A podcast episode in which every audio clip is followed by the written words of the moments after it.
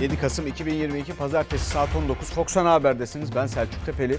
Irak'ın kuzeyinde üst bölgesinde PKK'lı teröristlerce açılan ateş sonucu piyade sözleşmeli erler Mustafa Öztürk ile İsmail Esmer kardeşlerimiz şehit oldu. Şehitler Gaziantep ve Hatay'da toprağa verildi. Şehitlerimize Allah'tan rahmet, yakınlarına ve milletimize başsağlığı dileriz.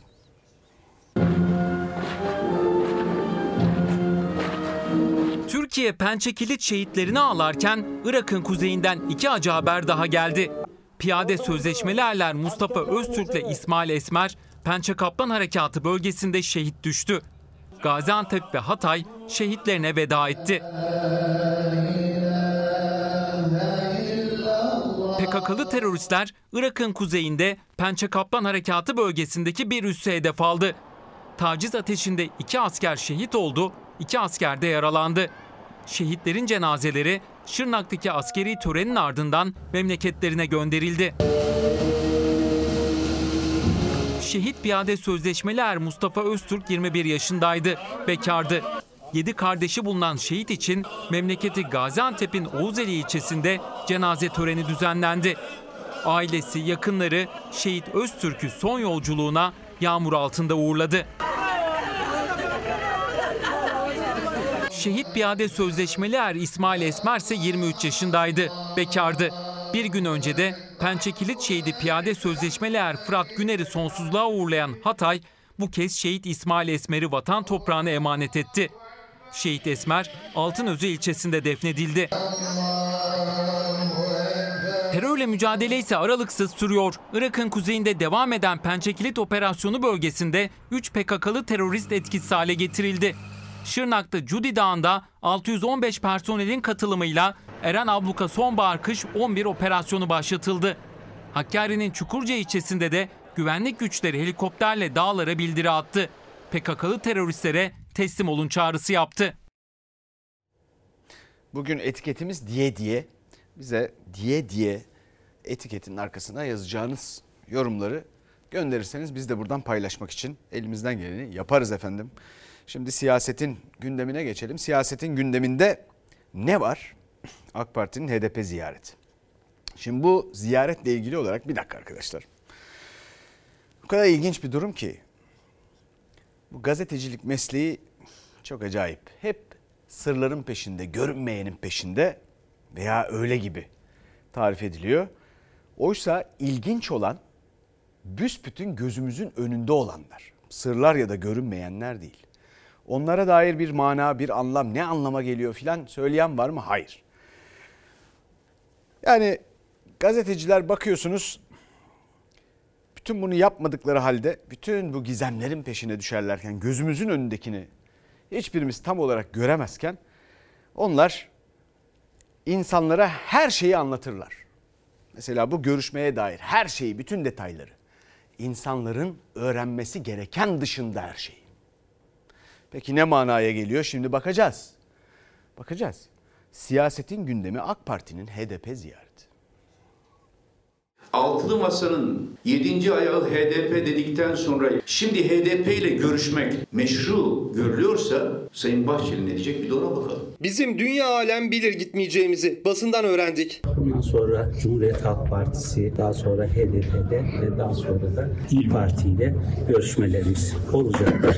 AK Parti'nin HDP ile anayasa görüşmesine destek talebine MHP lideri Bahçeli ne diyecek merak edilirken İsmail Saymaz'a konuşan bir MHP'li yetkili o ziyareti basından öğrendik dedi. Ama Adalet Bakanı Bekir Bozdağ HDP'yi ziyaret edeceklerini MHP Grup Başkan Vekili ve Genel Başkan Yardımcısının yanında söylemişti. Bakalım Bahçeli Mahir Ünal'a göstermiş olduğu tepkiyi burada da gösterecek mi? Sabretmek zorundasınız. Onun için salıyı bekleyeceksiniz. Bozdağ'ın MHP'li yetkililerin yanında HDP ziyaretini zikretmesine rağmen basından öğrendik diyen Bahçeli'nin kurmayı MHP liderinin açıklaması için de salı grup toplantısına randevu verdi.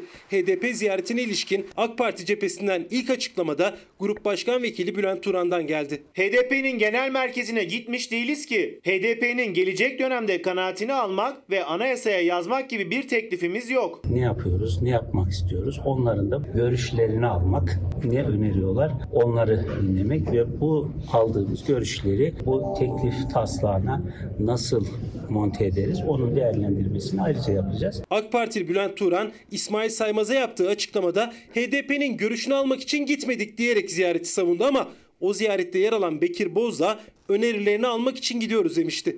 AK Parti Milletvekili Mehmet Ali Cevheri'nin HDP Legal Parti sözleri sonrası İçişleri Bakanı Soylu'nun PKK'nın uzantısı açıklaması da AK Parti'deki fikir ayrılığının göstergesi. Türkiye Büyük Millet Meclisi çatısı altında legal bir parti grubu var. Biz bir anayasa değişikliği yapacağız ve onların da desteğine ihtiyacımız var. Biz yıllardır PKK'nın partisi diyoruz. Alınmıyorlar, utanmıyorlar. Cumhur İttifakı'nda kaç ayak var onu da göreceğiz. Türkiye'de maalesef bir Bahçeli vesayeti vardır. Sayın Erdoğan üzerinde muhtemelen Süleyman Soylu da bu vesayeti bildiği için bu vesayete selam çakmaktadır. Eğer Süleyman Soylu haklıysa Bekir Bozdağ istifa etmelidir. HDP ile diyalog işbirliği içine girmek şayet Türkiye yüzyılı vizyonunun bir gereği ise o vakit HDP'yi PKK ile bir tutup eleştirmek, dahası HDP ile diyalog işbirliği halinde olan başkalarını suçlamak doğru olur mu? Bir şeyi biz yapınca mı doğru olur sadece? AK Partili Mehmet Metiner partisinin HDP üzerinden muhalefeti yaptığı eleştirileri sorguladı yine. AK Parti MKYK üyesi Orhan Miroğlu da ziyareti yeni bir dönem olarak yorumladı. HDP için fırsat olduğunu söyledi. HDP legal parti diyen AK Parti milletvekili Mehmet Ali Cevheri Medyaskop TV'ye yaptığı açıklamada da yeni bir çözüm süreci olabilir ifadesini kullandı. Uzatılan bu eli HDP değerlendirirse, bu anayasa çalışmasına müspet manada destek verirse neden olmasın? Yok eğer Bekir Bozdağ'ın ziyareti Sayın Cumhurbaşkanı'nın izniyle yapılmışsa ki aksini düşünmek mantık dışıdır. Sayın Erdoğan da Sayın Bahçeli'nin verdiği işarete uygun bir tavır sergileyecek bu konuda. Çünkü önce Bahçeli ayar verir sonra Erdoğan tavır gösterir. CHP'nin HDP ile görüşmesi demek PKK ile teması demektir. MHP liderinin çok yakın zamanda muhalefete yönelik suçlaması. AK Parti'nin HDP ile görüşmesini savunacak mı? İttifak ortağına açık mesaj mı verecek? Sorular MHP grubunda yanıt bulacak. Şimdi bu ülkenin kıymetli insanları hangi partiye oy vermiş olursa olsun. Bunlar burada söylenmedi. Yani burada veya işte haberde şurada burada söylenmedi. Bir kıymetli izleyicimizden bir mesaj gelmiş diye diye etiketine. HDP ile görüşen herkese terörist vatan haini diye diye dilinde tüy bitenler. Dillerinizde lal mi oldu acaba konu hakkında niye kimse konuşamıyor? Bir izleyicimizden gelen mesaj. Bunlar burada söylenmedi. Bunlar çok eskiden de söylenmedi. Bakın bu ilginç. Bu olaylar üst üste geliyor. İşin ilginç tarafı da şu. Bu görüşme filan mesele değil.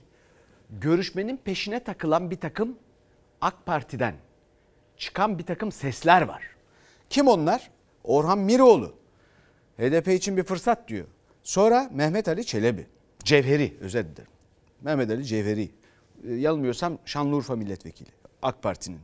Uzatılan eli değerlendirirse yeni bir süreç başlayabilir diyor HDP için. Ya dün dediniz bir şeyler. Bugün bunlar tedavüle sokuluyor. Efendim konu iktidar, rant, şu bu gibi şeyler olunca bunun gibi feci şeyler yani. Herkes ağzından çıkanı durduğunu iddia ettiği yeri ne kolay unutuyor. Ne kolay unutuyor. Böyle ilkeler üzerinden siyaset falan bunlar. Zannediyor musunuz? Şimdi konuşacağız. Ankara'ya gideceğiz. Konuşacağız ama ben şimdiden söyleyeyim ben yarın MHP grup toplantısında Devlet Bahçeli'den de öyle sert bir açıklama beklemiyorum. Belki Bekir Bozdağ ne bileyim bir iki eleştirisi olur filan ama bu konuda öyle bir şey doğrusu beklemiyorum. Acaba yanılıyor muyum? Kime soralım? Engin Yılmaz'a soralım. Fox Haber Ankara Haber Müdürü. Kolay gelsin Engin. Benim kanaatim bu bilmiyorum sen ne düşünüyorsun? Ee, yani Devlet Bahçeli'nin nasıl bir tepki vereceğini kestirmek zor. Ee, en son önümüzde Mahir Ünal örneği var. Şimdi Cumhuriyet'e de falan açıklamalarından dolayı Mahir Ünal'ı en son e, hedef almış. Sonrasında e, grup başkan vekilini e, bırakmıştı ama tabii burada şöyle bir tablo var. Şimdi Mahir Ünal örneğinden yola çıkarsak orada e, onun sarf ettiği sözleri hani parti kabullenmedi, parti arkasında durmadı. E, hatırlarsanız arka arkaya Cumhuriyeti e, öven, Cumhuriyete bağlılık mesajları gelmişti. Orada hani Mahir Ünal bir anlamda yalnız kaldı ve Bahçeli'nin tepkisi sonrası çekildi e, çekilmek zorunda kaldı. Şimdi ama bugünkü tabloda e, HDP ile resmi bir temas var. Şöyle yani heyete baktığımızda e, Bekir Bozdağ kabineyi temsil ediyor. Yani Cumhurbaşkanlığını, Cumhurbaşkanı kabinesini. Mustafa Elitaş AK Parti Grup Başkan Vekili, AK Parti Genel Başkanı'nın da meclisteki temsilcisi. E, bir diğeri oradaki Ali İhsan Yavuz o da AK Parti Genel Başkan Yardımcısı. Yani e, şimdi bu e, heyeti HDP'yi ziyaretini ele aldığımızda bunun tabi Cumhurbaşkanı'ndan habersiz, bağımsız bir ziyaret olduğunu söylemek e, çok e, tabi abesle iştigal olur. Zaten Cumhurbaşkanı da biz samimiyetimizi göstermek istemiştik dedi bu ziyarete ilişkin. Bir cümlelik açıklaması var. Samimiyetimizi gösterdik, bütün gruplara gitti dedi. Şimdi bugüne kadar Cumhurbaşkanı'ndan da sonraki eleştirilere ilişkin hiçbir açıklama gelmedi. Şimdi gözler tabi yarın Devlet Bahçeli'nin ne söyleyeceğini de diyoruz ama öncesinde bence Cumhurbaşkanı'nın ne söyleyeceği de önemli. Bugün kabine toplantısı var. Şüphesiz bu tepkiler, muhalefetten gelen tepkiler, AK Parti içinden yapılan açıklamalar, işte Mehmet Ali Cevheri yeni bir çözüm süreci dedi hemen bu temasın arkasında. Orhan Miroğlu bir fırsat diyor ve şunun da altını çizmek lazım. Bu açıklamaları bölge milletvekilleri yapıyor Selçuk Tepeli. Biri Mardin'den, diğeri Şanlıurfa'dan. Yani e, genelde Kürt seçmenle daha fazla muhatap olan e, milletvekillerinden bu açıklamalar geliyor. Şüphesiz bunlar kabinede konuşuluyor, tepkiler değerlendiriliyor. Bugün Cumhurbaşkanı'nın ne söyleyeceği de ya da bu konuyu girip girmeyeceği de e, bence önemli. Tabii Devlet Bahçeli'nin e, nasıl bir tepki vereceğini gelirse geçmişte HDP'nin kapatılması konusunda AK Parti ile karşı karşıya gelmişti. Numan Kurtulmuş'la Ömer Çelik'le andımız konusunda e, Bekir Bozdağ ile bir polemik yaşamıştı. Ama bence bugünkü tablo biraz bunların daha ötesinde. Yani kişisel açıklamaların dışına çıkan AK Parti'yi, Cumhurbaşkanlığını temsil eden bir heyetin e, HDP'yi ziyareti. O yüzden e, Bahçeli'nin ne söyleyeceğini kestirmek zor gibi geliyor. Çok teşekkür ederiz. Bakalım e, Engin'e teşekkür edelim. Efendim şimdi mesela bu e, görüşmeden sonra niye yapılıyor bu görüşme anladığımız kadarıyla anayasa değişikliği. Anayasa değişikliği bahsi nereden nereye geldi? Efendim işte Cumhuriyet Halk Partisi Genel Başkanı, ana muhalefet lideri e, Kemal Kılıçdaroğlu e, bir başörtüsü düzenlemesi yasayla ortaya attı. Şimdi konu buraya geldi anayasa. Sonra referandum fikri ortaya atıldı. Memleketin hiçbir sorunu yokmuş gibi şimdi referandum konuşuluyor şu bu. Bu referanduma gitsin diye HDP'nin oyuna ihtiyacı var mecliste. İktidar kanadının. Dolayısıyla onun karşılığında da bir takım pazarlıklar var. Peki referandumda veya meclise gelecek anayasa değişikliği metninde o içerikte HDP'nin prensiplerine, politikalarına, ilkelerine uyacak şeyler mi olacak? Hayır olmayacak. Göreceksiniz onu. Mesele sadece başörtüsüyle kalmayacak. Peki uyacak şeyler değilse yoksa HDP'ye bu uyar mı? Vallahi uyabilir. İş çıkarlara bakar yani. Uyabilir. Dolayısıyla çok ilginç bir süreç. Aman ne olur bu süreci izleyin, kaçırmayın. Şunun şurasında birkaç hafta önce kimin ne dediğini de iyi hatırlayın. Kimin ne açıklama yapacağını da hatırlayın. Görün, izleyin. Bakın bugün neyse. Şimdi geçelim bir başka haberimize. Bununla ilgili konuşmaya devam edeceğiz. Efendim e, bir uyuşturucu çeteleri meselesi vardı. Kemal Kılıçdaroğlu'nun gündeme getirdiği. Sonra da bir takım olaylar yaşandı. İşte yeni e, bir e, efendim işte tutuklama operasyon bir şey gördük. Ne ile ilgili? İstanbul Zekeri, Zekeriya köyde bir yer. Uyuşturucu çeteleri bakın nasıl burnumuzun dibinde. İstanbul'un göbeğinde villanın bahçesinde kadın cesetleri aranıyor. Kim var o villada? Tanınmış bir mafya liderlerinden biri. Organize suç örgütü üyesi yabancı uyruklu ZB isimli şahsın JAB adına düzenlenmiş sahte Kuzey Makedonya pasaportuyla ülkemize geldiği tespit edilmiştir. Sarıyer ilçesinde yapılan operasyonda yakalanmıştır. Siyasette uyuşturucu tartışması sürerken İstanbul Emniyeti Interpol'ün kırmızı bültenle aradığı adı uyuşturucu kaçakçılığına karışan 3 gün önce yakalanan Sırp suç örgütü lideri Boyan için İstanbul Sarıyer'de kaldığı villada yakalandığını açıkladı. Sırp suç örgütü liderinin 2014 yılından beri Türkiye'de olduğu ortaya çıktı. Kara para sahibini getirir dedim. Dünyanın ne kadar mafya pisliği varsa paraları ile birlikte şehirlerimize geldi. Şimdi bahçelerde ceset araması yapılıyor. Gördükleriniz denizde sadece bir kum tanesi. Uyuşturucu kaçakçısı organize suç örgütü liderinin İstanbul'da öldürülmesinin ardından bir başka Sırp suç örgütü liderinin 8 yıldır İstanbul'da yaşadığı son operasyonla ortaya çıktı. Suç örgütü liderinin bahçesinde kazı yapıldığına ilişkin görüntüleri de gazeteci Fatih Altaylı paylaştı. İkamet bahçesinde bir şahsın cesedinin gömülü olduğu yönündeki ihbar üzerine yapılan kazıda herhangi bir bulguya rastlanılmamıştır. Kamuoyunu yanlış yönlendirenler hakkında gerekli yasal işlemler başlatılacaktır. Temiz para derken ülkenin ne hale geldiğinden bahsediyoruz. Dünyada metropoller arasında yapılan araştırmada ikinci hep İstanbul çıkıyor. Tarihin en büyük uyuşturucu operasyonlarını yapıyoruz. Ortalama haftada 5000 uyuşturucu satıcısını veya imalat yapanı gözaltına alıyoruz. Soylu haftada ortalama 5000 uyuşturucu satıcısını gözaltına alıyor demiş. Kılıçdaroğlu söylemişti. Soylu itiraf etmiş oldu. Ülke uyuşturucu merkezi haline gelmiş. İstifa etmek için ne bekliyorsunuz? Muhalefet Soylu'nun haftada 5000 uyuşturucu satıcısı yakalıyoruz açıklaması için itiraf diyerek ses yükseltti. Davutoğlu'nun hedefinde de İçişleri Bakanı Soylu vardı. Türkiye narko devlet gibi görünmeye başlanmış dünyada. Ülkemizde mafya liderleri cirit atıyor, marinalara çökülüyor. İçişleri Bakanı her gün artistik, şova dayalı açıklamalarla kendi ikbalini korumaya çalışıyor. Efendim böyle kimi organize işler filan hani suç örgütlerinden şundan bundan bununla itham edilen suçlanan insanlardan 10 bin dolar alan milletvekili de var dendi. Sonrası geldi mi? İşin ilginç tarafı bakın. İşte kazılar şunlar bunlar fakat haftada 5 bin kişi gözaltına alıyoruz. İçişleri Bakanı söylüyor. Bu ne demek? Çok çalışıyorlar demek değil mi? Peki haftada 5 bin kişi uyuşturucudan, uyuşturucu ile ilgili suçlardan, yani satıcı onlar, içici değil. Öyle anlıyoruz. Gözaltına alınıyorsa bu insanlar bu ülkede cirit atıyor demek ya. Haftada 5 bin ne demek ya? Peki 21 yıldır, 20-21 yıldır AK Parti iktidarı. Bu ülke bu hale nasıl geldi peki ya? Biz söylemiyoruz işte haftada 5 bin kişi gözaltına alıyoruz. Elinize sağlık. Efendim Şimdi de e, bir başka haberimiz var. Çevre Şehircilik ve İklim Değişikliği Bakanlığı'ndan yapılan bir açıklama var. Günler sonra gelen promosyon açıklaması.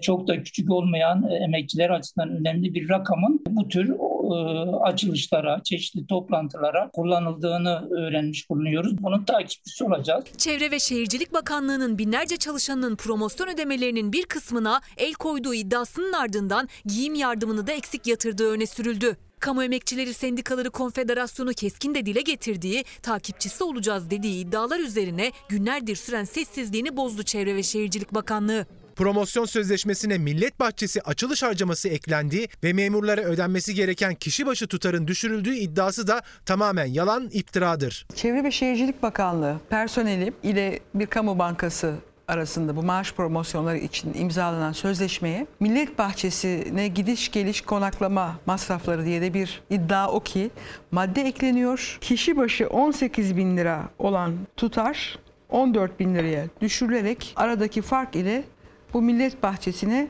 gidiş götürülüş harcamaları karşılanıyor. Sözcü gazetesinde yazdığı iddiayı Fox'ta orta sayfa programında da dile getirdi gazeteci Çiğdem Toker. Bir diğer iddia ise yine Sözcü gazetesindeki köşesinde de gazeteci Deniz Zeyrek'in yer verdiği giyim yardımlarının da kesildiği iddiasıydı. Bu bakanlıkta çalışan her bir personel yaklaşık 8 bin lira tutarında para kaybetmiş. Giyim yardımına ilişkin tüm bilgiler Kamu İhale Kurumu'nun sisteminde açık erişimli olarak yer almaktadır. Sayın Fox Haber'in soruları da yanıtsız kaldı. Her iki iddiaya da sessizdi Çevre ve Şehircilik Bakanlığı. Günler sonra açıklama geldi. Promosyon ödemesi tek seferde peşin olarak 25 Haziran 2022 tarihinde Türkiye Halk Bankası tarafından personelin kendi hesabına yatırılmış olup bakanlık hesabına yatırılan herhangi bir tutar bulunmamaktadır. Bir takım elbise bile almaya yetmeyecek bir giyim yardımıyla karşı karşıyayız. Bu kesilen miktar nerelere aktarılacak? Bunun bakanlık tarafından açıklanması gerekiyor. KESK promosyonların giyim yardımının düşük yatırıldığını söylüyor. Sebebinin açıklanmasını istiyor. Bakanlığın açıklamasında bu paraların Millet Bahçesi açılışında harcanmadığı bilgisi var. Düşük tutulup tutulmadığına dairse açıklama yok. Efendim izleyicilerimizden gelen mesajlar yıllardır kamuda ta- taşeron kalmayacak diye diye kandırdılar bizi diyor bir izleyicimiz. Bir başka izleyicimiz şehir merkezindeki okullara psikolojik danışman kadrosu verilmeli diyor. Ee, bir başka izleyicimiz milyonlarca EYT'li hakkımızı istiyoruz diye diye 23 yıl geçti dört gözle Aralık ayını bekliyoruz diyor. Aa, bence çok bekleriz daha ben size söyleyeyim yani çünkü hep böyle bir takım başka önden görmediğimiz hesaplar çıkıyor sonra karşımıza değil mi? Ya patron sizsiniz diyorum boşuna demiyorum. Bakın bunlara Cumhurbaşkanı Erdoğan ne diyor? İstikrar geldi bu ülkeye bizimle diyor. İstikrar dediği de öyle hemen işte çok kısa sürelerle sandık kurulmuyor, hükümetler değişmiyor filan. E bu ülkede ben size söyleyeyim bir hesap yapın. Kaç kere sandık kurulmuş, referandumu, seçimi, yereli, tekrar edileni, şusu busu. Ortalama 3 senede bir sandık kuruluyor. E zaten koalisyon dönemlerinde daha sık sandık kurulmuyordu ki. Şimdi yeni bir sandık peşindeler. Hem de seçime giderken şunun şurasında seçime ne kadar kalmış? Sırf seçmeni kışkırtmak için. E buna HDP kanar mı? E kanar işlerine gelirse. Yani peki CHP ortaya attı. CHP bu konuda bir şey diyebilir mi? Zannetmiyorum yani. Muhalefet nerede ben bilmiyorum pek. Ya bunlar sonra istikrar öyle mi? Bir sürü masraf, bir sürü gerginlik şu bu. Ve önünüze de sizin evet hayır sorusu gelecek ya. Hayır diyemeyeceğiniz bir soru koymak isteyecekler tabii.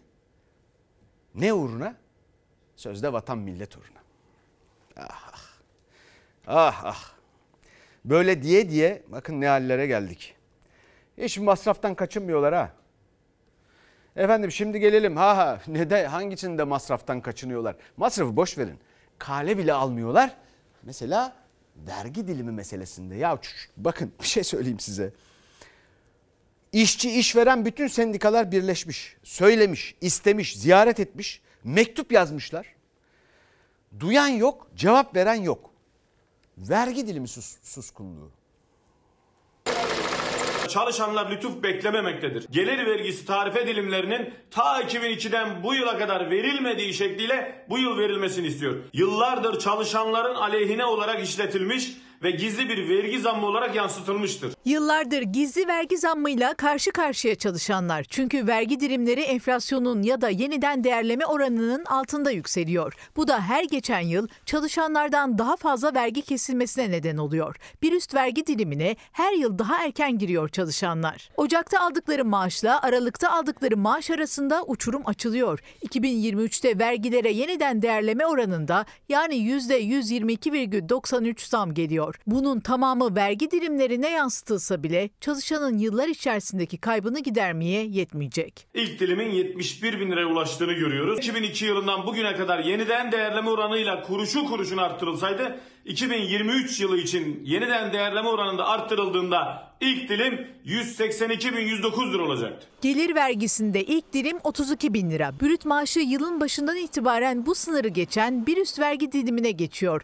Yani %15 değil %20 vergi kesiliyor. Dilimler yeniden değerleme oranında arttırılırsa ilk dilim 71 bin liraya çıkacak. Oysa olması gereken bu dilimin 182 bin lira olması. Eğer öyle olsaydı her çalışanın maaşı daha yüksek olacaktı. Vergi uzmanlarına göre yeniden değerleme 2002 yılından bu yana yapılmalıydı. Eğer öyle olsaydı ortalama 15 bin lira brüt maaş alan bir kişinin maaşı bugün %25 daha fazla olabilirdi. Vatandaş neredeyse gelirinin tamamı için en yüksekten vergi ödeyecek. E bunun haklı olan bir yanı yok. Bu hak değil, adalet değil. Sadece muhalefet değil, işçi ve işveren sendikaları da tek ses oldu. Hatta Türk İş ve TİSK Cumhurbaşkanı'na mektup da yazdı ama hala yanıt yok. Hazine ve Maliye Bakanı Nurettin Nebati'nin kapattığı kapının aralanmasını, vergi dilimlerinin güncellenmesini bekliyor çalışanlar. Yok yapamayız. Dışarıdan görüldüğü gibi değil onun maliyeti 200 milyar lira civarında öyle bir şey. Bir laf var uyuyanı uyandırırsın ama uyuma numarası yapanı uyandıramazsın çünkü numara yapıyor.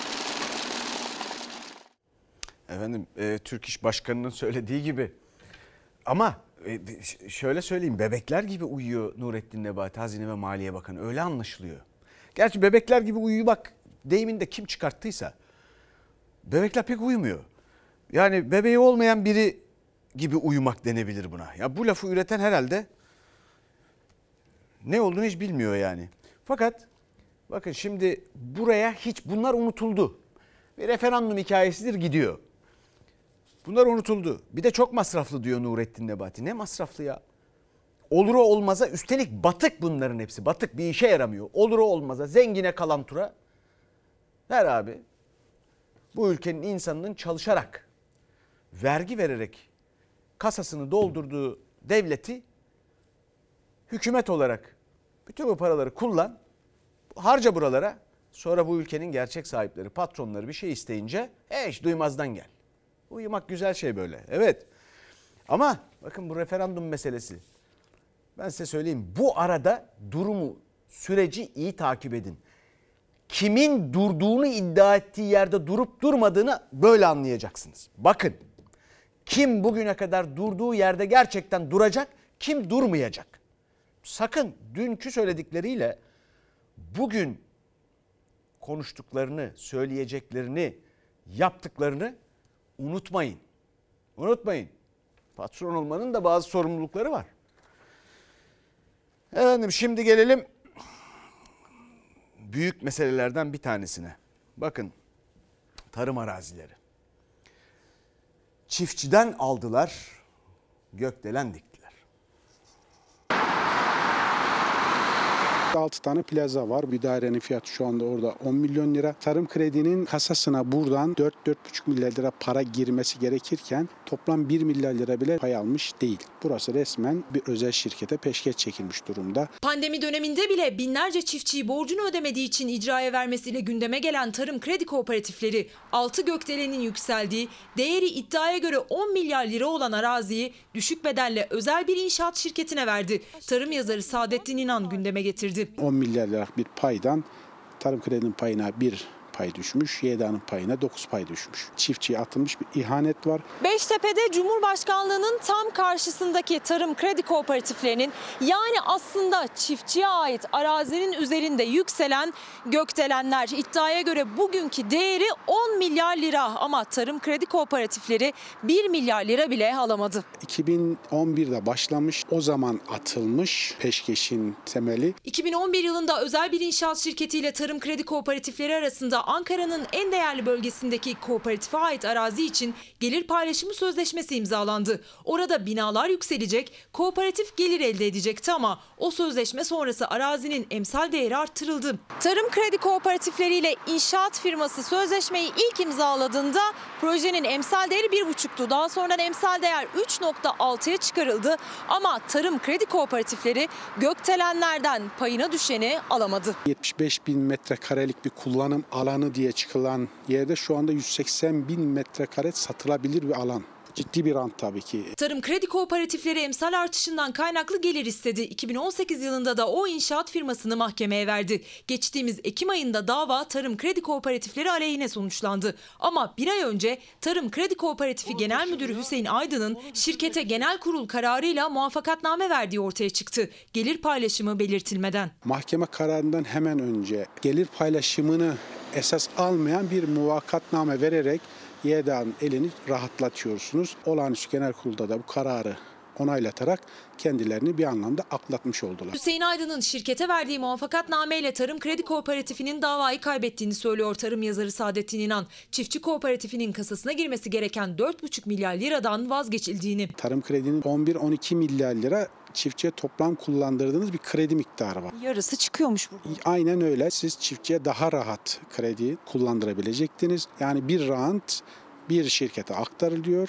ve bunun dolaylı yoldan bütün faturası 85 milyona çıkıyor. Tarım Kredi Kooperatifinin arazisinde 6 gökdelen var. Her bir gökdelendeki ofisler milyonlarca liraya satılıyor. Çiftçinin hakkı için Tarım Kredi Kooperatifleri Genel Müdürlüğü'nün bir üst mahkemeye başvurup başvurmayacağı merak ediliyor. Şu fotoğrafa bir daha bakalım mı? Gelin gelin. Gelin efendim gelin. Şu fotoğrafa bir daha bakalım. Ne diyorlardı? Yatay mimariyi yapacaklarmış. Bak yatay mimariye bak. Böyle yatay mimari yani. Dikine yatay mimari. Göğe varacaklar bu şekilde. Bina tarlaları. Efendim patron sizsiniz. Kırar kırar yersiniz aç kaldığınızda. Devam edelim. Bir gece ansızın kamulaştırma hikayesi şimdi de. Ben bu köyde doğdum büyüdüm. Benim babam bir asır yaşadı. Geçen sene öldü baba. Benim onun toprakları kaldı. O da devlet el. Ben nereye giderdi? Atalarından, babasından kalan toprağının üstünde kepçeler, kamyonlar dolaşıyor şimdi. Denizli'nin Tavas ilçesine bağlı Avdan mahallesinde iki yıl önce termik santral kurulması için ruhsat verildi. Halk itiraz etti, santral ruhsatı iptal edildi. Bir yıl sonra bu kez açık kömür işletmesi için çet raporu alınmak istendi. Halk yine itiraz etti, o da iptal oldu. Sonrasında bir gece Cumhurbaşkanlığı kararnamesiyle tarım yaptıkları araziler kamulaştırıldı. Sayın Cumhurbaşkanımızın bir gecede 3 milyon 764 metrekare yere bizim kamulaştırdı. Bizim burada üç tarla var şimdi tütün dikiyoruz buraya. Bir tanesi bak o kepçelerinden örtül, kum dökülüyor. Evet altın yumurtlayan tavuğu kesmek gibi bir şey bu. 3 milyon 764 bin 623 metrekare arazi resmi gazetede yayımlanan kararnameyle kamulaştırılınca Avdanlı'nın buğday, tütün ektiği, zeytin yetiştirdiği alanlara kepçeler girdi. Buraya çadır kurdum. Burada ekinimiz vardı, işimiz vardı. O çadırı da bekledim gece gündüz. Ben bir kendim için değil diyeceğim. Atatürk Türkiye korumuş ya. O gibi ben milletimizin, devletimizin bu kendim işimizi korudum. Kestiler geçtiler kızım kepçeye. Kafamızın üstünden çevirdi çevirdi de eşimle. İkimizin ortasından bir hurdu höl toprağına bizi gömecekti kızım. Bulunduğumuz alan karşı kıyıya kadar çam ağaçlarına kadar dümdüz ova buğday tarlasıydı. Şimdi ise kocaman bir çukur ve kömür karası var. Buraya ilk kepçe Haziran ayında vuruldu. Sadece 5 ayda gelinen nokta manzara işte bu. 50 deneli asmam vardı. Gerisini yüreğim yanmıyor da. Ta dedem gününden benim dedem şehit kalmış askerde. Onun bir asması vardı. Ben onu canlandırdım. Koca çardak ettim. İçini girsem yağmurdan ıslanmadım. Bir o dedemin oradan hayrın kesildiğini bir onu yandım. Bu derilerden sular akardı. Şırıl şırıl hayvanlarımı suladım. Kuşların cıvıltısı, kekliklerin ötüşü. Kulaklarımda kaldı kızım. Köylülerin yürek yangınını söndürmek zor. Hala ellerinde kalanı koruyabilmek için hem mücadele veriyorlar hem de el açıp dua ediyorlar. Yağmur yağması, toprağın bereketli olması, madencinin köylerini terk etmesi için cami hoparlöründen yükselen dualara hep birlikte el açıp amin dediler. Dua okuyorsun, ağlıyorsun. Ben buraya verdiğim yemeği çocuklarım Mehmet'im. Koruymadım sizleri de ağlıyorsun dibinde. Bundan başka bir şey bilmiyoruz ki biz. Bizim anamız, babamız, her şeyimiz toprak. Bölgede açık ocak kömür işletmeciliği yapan firma kapasite arttırımına gitmek istiyor. Halksa daha fazla toprak vermek istemiyor. Haklarını hukukta arıyor. Yargıda mahkemem var. Olmazsa gel, sonuç gelmiyor. Geldim Anayasa Mahkemesi'ne gideceğim. Bırakmayacaksın kızım. Ah be teyzem ne diyor? O bağlar diyor şehit dedemden kaldı diyor. Efendim biz de şehit haberleri veriyoruz. Bakın bugün haber bültenine gene öyle başladık. Sonra birbirlerine ne diyen partiler kimlerle görüştü? Bugün gene iki şehidimiz var. Bilmem dikkat ettiniz mi? Neler aynı gün içinde bir araya geliyor? Hangi olayları yaşıyoruz? Ve bunlar ne anlama geliyor? Şimdi gidelim Gülşah İnce'nin haberine. Savrulan milyonlar. Sizin milyonlarınız.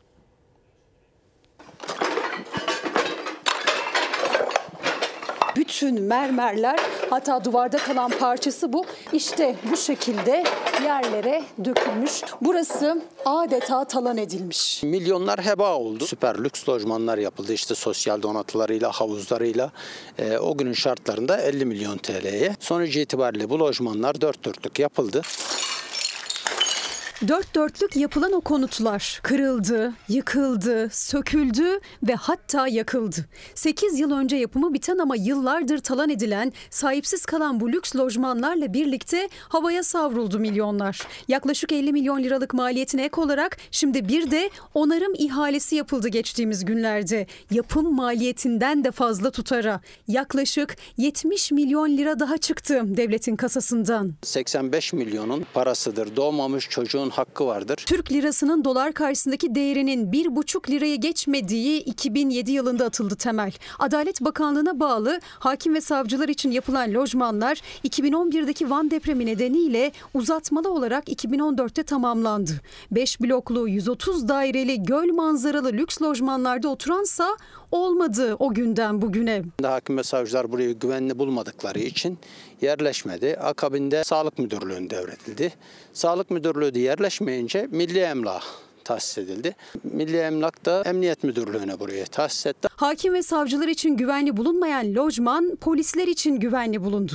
Kurumlar arası tahsis kağıt üzerinde sürerken lojmanlarda zarar gün be gün büyüdü. Lojman dairelerinden birinin içerisindeyiz ve bulunduğumuz bu yer aslında bir mutfaktı. Tezgahların, fayansların yerinde olmadığını görüyoruz ve hatta cam, kapı, pencere ne varsa sökülüp götürülmüş. Biz buraya bir lojman yaptık ama ne hale geldi, içinde ne oluyor, buraya bir bekçi koyduk mu koymadık mı bunu kontrol etmeye gelen olmadı mı hiç? Yıllardır biz bu konuyu dile getiriyoruz. Kapısı penceresi tamdı, kalorifer petekleri tamdı, içerisindeki su tesisatları, ampulleri işte ne varsa bugün talan edilmiş durumda. Binaların uzun süre atıl kalmasının nedeni olarak güvenlik gösterildi ama manzaraya baktığımızda hem bölgenin araştırma hastanesi var hem de en önemli noktalardan biri de Van Havalimanı da hemen lojmanların karşısında. Yanı başında gördüğünüz gibi işte memur sen, TOKİ bu insanlar da burada yaşıyor. Güvenlik sorunu var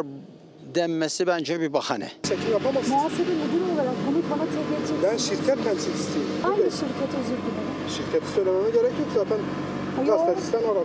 Fox Haber yıllardır talan edilen lojmanların bakım ve onarım ihalesine dolaştı. Savunma ve güvenlikle ilgili özel durum gerekçesiyle acele, pazarlık usulü yapıldı ihale. Yaklaşık maliyet yani aslında devletin tespit ettiği zararın bedeli 99 milyon 736 bin liraydı. Pazarlık sonucu 69 milyon 969 bin liraya anlaşıldı. Yani maliyetinden de fazla para harcanacak. Sıfırdan yapmak emin olun tamir etmekten daha kolay diyoruz ya. Bunu bu noktaya getirenlerin üzerine rucu edilmesi gerekir ki e, bir daha bu tip olaylar yaşanmasın. Çekim yapamazsınız. Gülşah da soruyor. Hangi şirket? O da diyor ki gazetecisiniz araştırın bulun. Sıkıntı yok buluruz tasarlanma kardeşim sen. Şimdi bakalım muhtarlarla ilgili biliyorsunuz asgari ücret işte e, para kazanıyorlar şu bu. Sözde muhtarlara çok avantaj sağlanmıştı. Oysa muhtarlar neredeyse tümüyle devre dışı. Hiçbir yetkileri yok. Şimdi hangi konuda yetkileri yok şu anda? Evdeki yabancı skandalı konusunda. Muhtarlar bu konuda da devre dışı.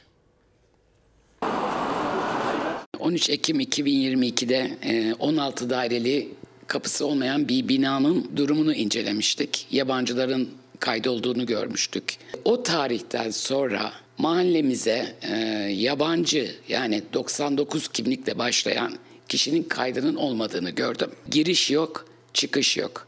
Bu nedenle sistemin bu kişiler için muhtarlıkları kapatıldığını gördüm. Bunlar ne amaçla kaydediliyor? Neler oluyor? Sistem niye muhtarlara kapatılıyor? Yani neden yani? Evdeki yabancı skandalında akıllardaki soru işaretleri henüz yanıt bulmamışken bu kez de muhtarlara sistem kapatıldı. Muhtarlar artık evdeki yabancı uyrukluların kayıtlarını göremiyor. Nüfus Müdürlüğü'nün sayfası bu. 13 Ekim'den sonrasını göremiyorum. Demek ki sistem kapatıldı. Kapatılmadıysa da cevap verilsin yani. Nüfus Müdürlüğü'nün sisteminden tespit edilen yabancı uyrukluların kayıtları artık sistemde gözükmüyor. Ne giriş var ne de çıkış. Muhtarlar tamamen devre dışı bırakılırken evdeki yabancılara yenisi eklenmeye devam ediyor. Artık sadece daire sahipleri E-Devlet'ten sorguladığında fark edebiliyor. Sistem o kadar açık ki yani herkes istediği yere, boş bulduğu yere kendini yerleştirebiliyor. İstanbul Kadıköy'de 7 katlı bu binanın kapıcı dairesinde yabancı uyruklu 5 kişinin kaydı gözüküyor. Ancak bu kişiler burada fiili olarak yaşamıyor. Nüfus Müdürlüğü'nün sisteminde ise bu 5 yabancı uyruklu kişinin kayıtları dörder gün aralıklarla yapılmış olarak gözüküyor. Bu kapıcı dairesindeki ilk kayıt 11 Mayıs'ta olmuş. İki kişi 16 Mayıs'ta kaydolmuş. Bence bu kayıtlarda gün atlamak, ara vermek, dikkat çekmesin diye yapılmış. Daha önce bu e, 16 daireli ve 31 daireli apartmanlarda da aynı sistem olmuştu. Gün atlayarak dairelere kayıt olmuştu. E, Bunda da aynı şekilde yapılmış. Adresle kayıtlı yabancılarla ilgili örneğin, Canım benim. Örneğin İstanbul'da yeni bir binada bütün dairelerde yabancılar kayıtlı çıktı. Fox Haber'in günlerce ekrana taşıdığı skandaldan sonra İçişleri Bakanı hala sessiz. Muhtarların sistemi ise kapalı. Yabancılar ev sahiplerinin bilgisi olmadan dairelere nasıl ve neden yerleştiriliyor hala bilinmiyor. 1200 kişinin beyan eksikliğinden kaynaklanan yani orada oturuyormuş, oradan bir başka yere geçmiş ama oradaki kaydını almamış. Sadece bizim mahallemizde 150-200'e yakın kişi var yani. Eğer sadece Fener yolunda bu kadar kişi varsa ben düşünemiyorum yani gerisini. Ben bilmeliyim. Kaç tane mahallemde yabancı var. Ceremesini biz çekiyoruz onlar ama oy kullanma hakkına sahip oluyorlar. Hmm. İlginç iddia. Oy kullanma hakkına sahip oluyorlar diyor. Kıymetli muhtar hanımefendi. İlginç iddia çünkü zaten bütün mesele insanların merak ettiği, kuşku duyduğu konu bu. Bunun aksi söyleniyor. Muhtar hanımefendi başka bir şey söylüyor. Şimdi öğretmenlerin sıkıntılarına bakalım. Öğretmenlerin biliyorsunuz önüne bir takım yeni sınavlar çıkarıldı. Öğretmenlerin önceliği sınav değil geçim diyorlar.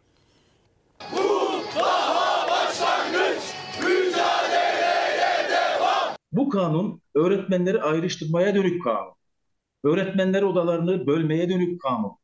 Dolayısıyla başta anayasamıza aykırı olan bir kanun. Sınavla öğretmenleri ünvanlarına ayıran öğretmenlik meslek kanununun iptali 9 Kasım'da Anayasa Mahkemesi'nin gündeminde. Kariyer sınavı ise 19 Kasım'da yapılacak. Milli Eğitim Bakanlığı kararlı. Hatta bakan sınavdan 94.606 öğretmenin muaf olacağını açıkladı. Yüksek lisans mezunları sınava girmeyecek. İnşallah sınava girerek uzman ve baş öğretmen olmaya hak kazanacak arkadaşlarımızla birlikte bu sayı daha da artacak ve hep birlikte yolumuza çok daha güçlü devam edeceğiz. Amaç gerçekten eğitim emekçisinin ekonomik e, durumunu düzeltmekse yöntem kariyer basamaklarında yükselme yönetmeliğiyle ya da bahsedilen bu kanunla olacak iş değil bu. Meslekte 10 yılını doldurmuş öğretmenler sınavla uzman öğretmen ünvanına hak kazanacak. Uzman olarak 10 yılını dolduran öğretmenlerse baş öğretmen sınavına katılacak. Başta eğitim iş,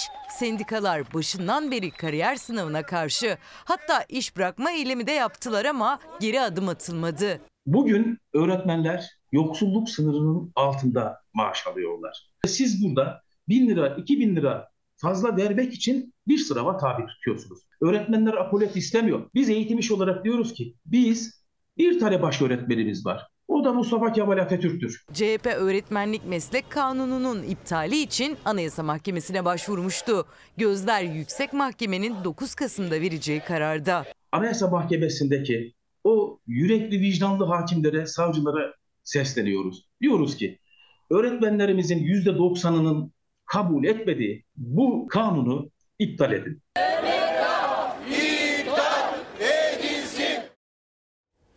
Efendim şimdi hangi partiye oy vermiş olursa olsun, hangi partiye yakın hissederse hissetsin, bütün izleyicilerimiz bu ülkenin bütün seçmenleri, insanları adına ben de bir şey talep ediyorum. Böyle herkesin önüne sınav çıkarıyorlar ya, kariyer sınavı. Siyasiler de kariyer sınavına girsin. 3-5 yılda bir girsinler. Bir yığın avantajları var. Milletvekilleri, parti yöneticileri girsinler. Bakalım hakimler mi konuya? Bakalım doğru yoldalar mı?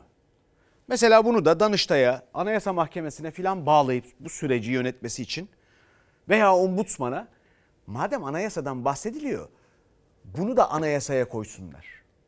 Kariyer sınavına girsin siyasiler ya. Bu sınavı da millet istiyor kardeşim. Efendim şimdi İran'a gidiyoruz. İran'da göstericiler geri adım atmıyor.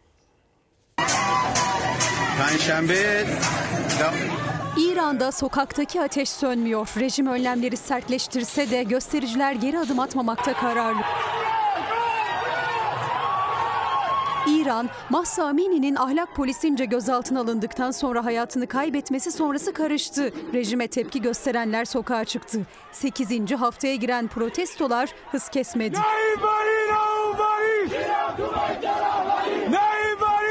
Gençler her gün sokakta hem Tahran yönetimi hem mollalar hedefte. Bazı kentlerde iş yerleri gösterilere destek için kepenk kapatmaya başladı. Güvenlik güçleri ise hem önlemleri hem de müdahaleleri sertleştirdi. Ülke genelindeki protestolar sürerken can kayıpları da artıyor. İran İnsan Hakları Kurumu ölü sayısının 300'ü geçtiğini açıkladı. Gösterilerde hayatını kaybedenlerden 41'inin 18 yaşın altında, 24'ünün de kadın olduğu belirtildi. En fazla can kaybıysa Sünnilerin çoğunlukta bulunduğu Sistan Beluistan eyaletinde yaşandı. Eyalette gösterilerin başlangıcından bu yana 118 kişinin öldüğü açıklandı. Efendim İran'la ilgili bu olaylar 8 hafta önce başladığında ne demiştik? Orada İran'da bir söz vardır. Siyahtan daha kara renk yoktur derler. İnsanlar o haldeler. Dolayısıyla bu gösteriler o yüzden bu şekilde devam ediyor. Ama çok ilginç bir durum var. Orada başörtüsünü çıkartmak için bir özgürlük mücadelesi veriliyor. Burada tam tersi yönde şimdi bir referandumdan bahsediliyor. Oysa Türkiye'de anayasada inanç için her türlü güvence var. Efendim TRT Spor'un duayen isimlerinden Ahmet Öçten vefat etti. Fox Haber Ankara temsilcisi Tülay Ünal Öçten'in de eşiydi. Eşidir Ahmet Öçten. Cenazesi Ankara Cebeci Asri Mezarlığı'nda toprağa verildi. Biz de Fox Haber olarak e, Ahmet Öçten için çok üzüldük elbette. Çok da genç kaybettik. Merhuma Allah'tan rahmet diliyoruz. Arkadaşımız Tülay Ünal Öçten ve ailesine de başsağlığı diliyoruz. Nurlar içinde yatsın. Şimdi kısa bir ara. Denizli Tavas'ta gördünüz bir kamulaştırma, bir gece ansızın. Dikkatinizi çekti mi nasıl yapıldığı? Başka yerlerde de böyle kamulaştırma yapılıyor. Neyle yapılıyor? Veya bunun gibi kararlar alınıyor.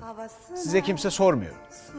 Cumhurbaşkanlığı kararnamesiyle bütün yetkileri bir makama verirseniz efendim altınızda 10 yıllardır, 100 yıllardır işlediğiniz araziniz de kimsenin işte birilerinin belirleyeceği bir fiyatla alınıverir. Başka şeyler de olabilir. Demokrasi bu değildir. Bizden sonra yasak elma var. Yeni bölümüyle yarın görüşmek üzere. İyi akşamlar.